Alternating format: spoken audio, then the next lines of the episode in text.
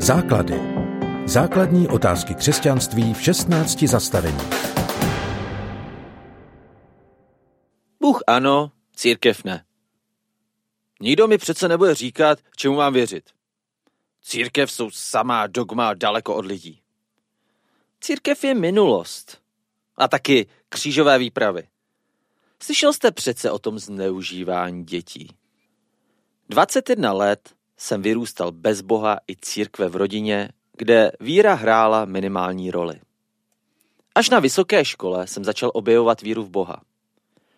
Citáty, které jsem před chvílí četl, jsou z mé hlavy. To jsem si tehdy myslel. Vůbec jsem netušil, že je tu více církví než jedna a že církev může vypadat jinak než jako historický kostel. Nevěděl jsem ani to, že existují něco jako evangelické církve. Církev pro mě byly dějiny, budovy, dogmata a pochybné autority. Jak se to stalo? No, naše kultura mě nasákla těmito předsudky. Protože já jsem do svých 21 let nepoznal církev a neviděl jediného živého křesťana v podstatě. Jediný snad pozitivní moment z církví byl pro mě černožský pěvecký sbor ve filmu Sestra v akci. Opravdu.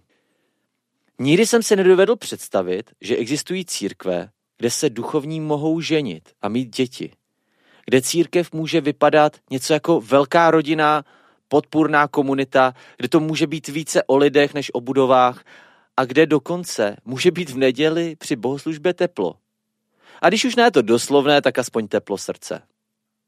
Nedovedl jsem si ve 21 letech představit, že jednou budou moji nejlepší a nejvěrnější a nejhlubší přátelé právě z církve.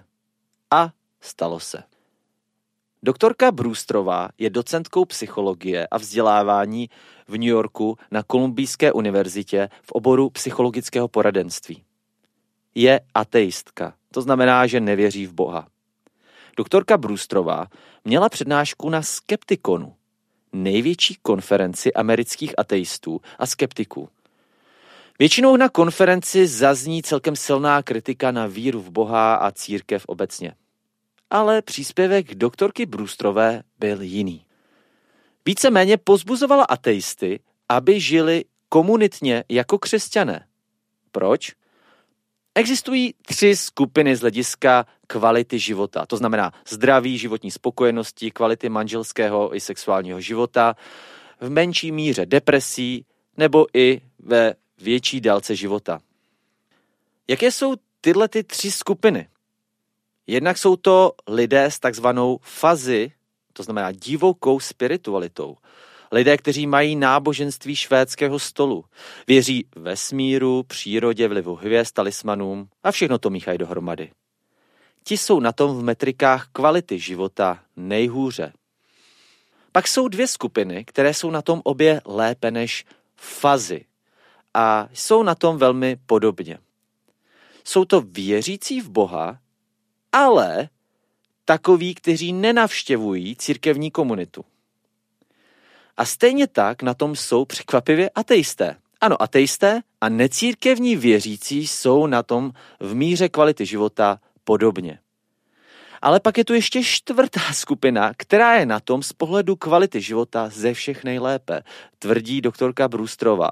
A to jsou křesťané, kteří pravidelně navštěvují církevní komunitu. To znamená, že křesťan bez církve je na tom v kvalitě života jako nevěřící ateista. To, co dělá opravdu rozdíl v kvalitě života, je pravidelný komunitní život. To dělá skutečný rozdíl v chování. My lidé totiž jsme stádní druh, ať si o sobě myslíme, co chceme. Ví to sociologové, ví to psychologové a ví to Bible. Ne nadarmo nás Ježíš označuje za ovce. Tohoto hořkého poznání jsem došel v 17 letech, kdy jsem si uvědomil, že jsem jiný člověk doma, jiný člověk s partou, jiný člověk ve škole, jiný člověk na tréninku. Jsem ovce. Potřebujeme jeden druhého. Věřící jsou částmi jednoho těla, Kristova těla, komunity křesťanů všech věků, živých i těch, kteří jsou už v boží slávě. Inspirujeme se, pozbuzujeme se, podepíráme se, pomáháme si, ohříváme se o sebe. Jako uhlíky v ohni. Když vyhodíme uhlík z ohně, brzy vychladne. Takže jsem brzy po tom, co jsem uvěřil, došel k tomuto názoru. Bůh ano, církev ano. A co ty?